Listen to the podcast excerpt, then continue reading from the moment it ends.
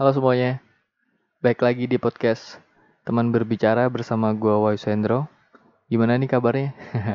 udah pada bosen, capek, atau udah muak? Iya, nggak muak sih ya. Semoga semuanya cepat kembali normal lagi lah gitu. Lama-lama jenuh juga kan ya di rumah terus, bosen juga, capek, bosen lihat KKI makan cilok. Terus lama-lama di rumah tuh bikin halu ya kan. Kebanyakan nonton drama Korea jadinya baperan jadinya. Terus lihat anak kecil, bayi gitu di Instagram ya kan banyak tuh ya kan ada Freya, ada ya tawan Freya. Anak kecil cantik di Instagram. Jadi bikin halu, jadi pengen punya. Jadi pengen cepet nikah. ya gue berdoa aja sih semoga semua baik-baik aja, semoga semuanya diberi kesehatan. Dokter, perawat, supir ambulan, semuanya lah, semua masyarakat Indonesia diberi kesehatan. Amin. Kita pasti bisa. Minggu kemarin podcast teman berbicara ngebahas tentang berkarir versus menikah muda. Iya. Yeah. Kenapa gue bahas tema itu? Soalnya ada yang nge-DM gue. Ya dia cerita lah, cerita. Terus dia bilang, dia lagi terjebak dengan keadaan seperti itu gitu loh antara karir dulu atau menikah dulu gitu loh. Tapi dia nggak mau cerita dia dijadiin bahan podcast dia mau temanya aja.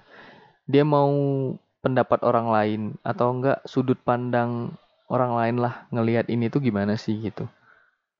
Jadinya gue buat podcast tentang itu gitu.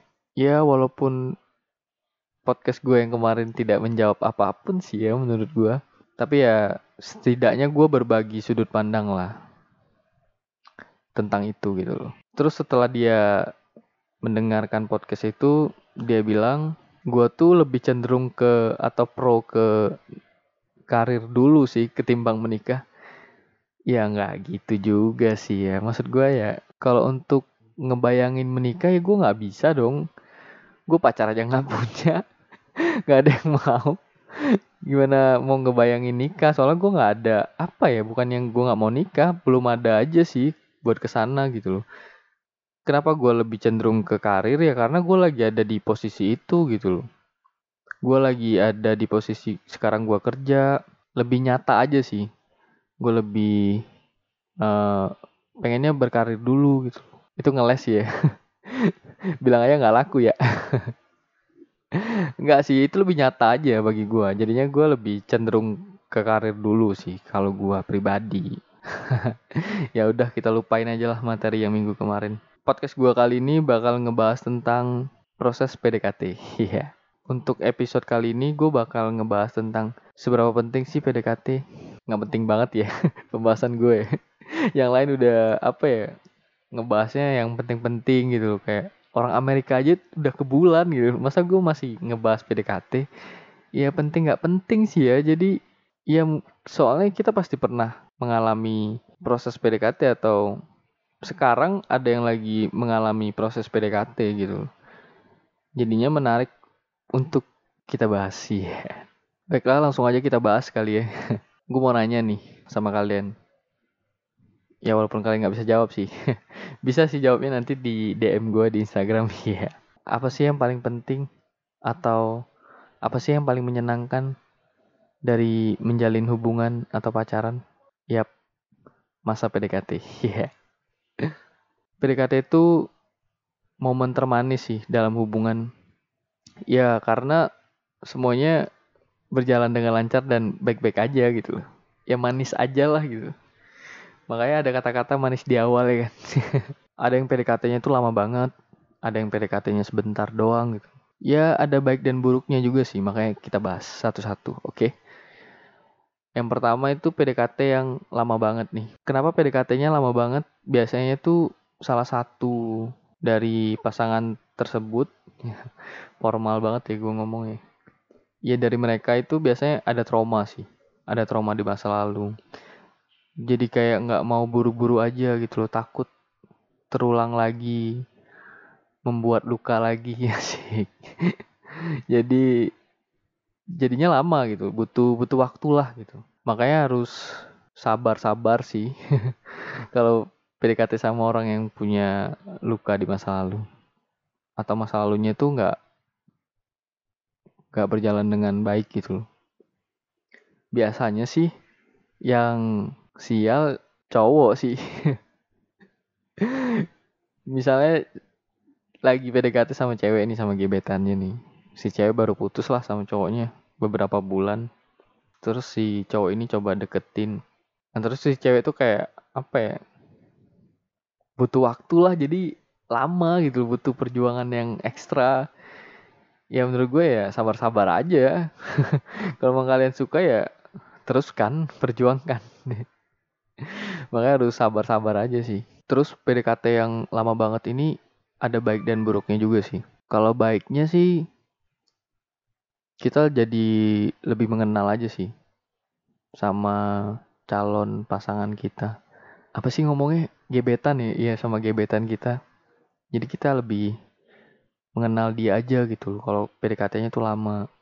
Kita bisa jadi tahu nih dia sukanya apa nggak sukanya apa uh, kebiasa kebiasaannya tuh gimana gitu lingkungannya gimana teman-temannya siapa gitu kita udah ngerti dia lah gitu dan nggak bakal ada nih kata-kata kayak gini kita mau makan di mana terserah ya karena kita udah tahu ya kan kebiasaan dia, kesukaan dia gitu loh. Apa yang dia nggak suka gitu. Jadi kita nggak nggak perlu nanya-nanya lagi. Kita langsung jalan aja. Iya, yeah, asik. Kalau buruknya sih kalau kelamaan ya ditikung. Modar. ditikung sama temen misalnya, ditikung sama cowok lain yang lebih ya lebih lah. Lebih lah pokoknya. lebih segalanya lah. Siapa tahu ya kan kita yang deketin udah lama banget nih tinggal nunggu momen doang nih buat nembak eh tau ditikung kalau kayak gitu ya sabar-sabar aja sih berarti belum jodohnya gitu. Kalau enggak lu yang bodoh. Kok nggak ditembak-tembak gitu? Soalnya kan kita juga butuh kepastian dari si cowok si cewek juga mungkin butuh kepastian. Kok dia nggak nembak-nembak ya gitu? Maksud gue ya ya coba aja. Tembak aja nggak apa-apa. Masalah diterima atau enggaknya itu ya belakangan. Setidaknya kita udah dapat jawabannya lah kalau kita sudah lama deketin dia gitu. Kayak gitu sih. Santai lah masih banyak bintang di langit. Asik. Terus yang kedua PDKT-nya bentar doang nih. Biasanya sih pak boy sih. Yang naik motornya Vespa tau kan kalian Vespa yang baru itu Matic ya kan? Biasa pakai kaos hitam sepatunya pants ya kan?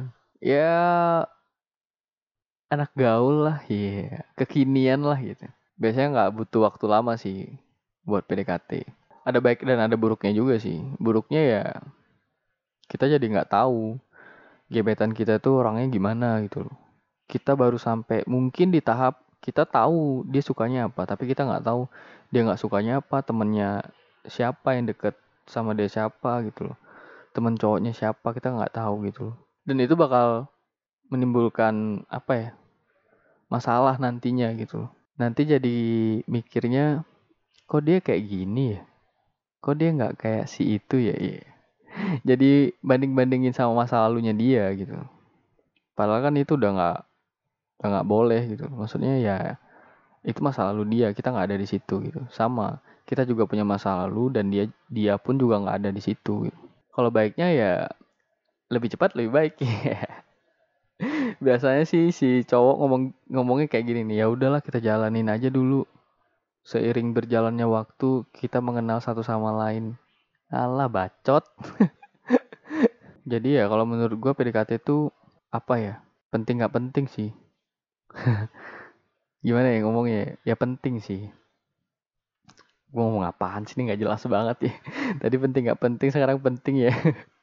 Membuang-buang waktu. Ya kalau menurut gue pribadi, pentingnya kenapa? Gue kasih contoh deh. Orang yang udah pacaran lama, udah tahunan gitu misalnya. Udah kayak ngambil cicilan KPR. Mereka bakal sampai di titik jenuh bosen udah nggak tahu lagi mau ke mana gitu loh hubungannya gitu terus mereka jadi sering ribut berantem hal-hal kecil jadi besar gitu loh Nah kadang yang menyelamatkan hubungan mereka itu ya masa-masa PDKT. Mereka bakal mengingat balik kenangan yang dulu-dulu gitu.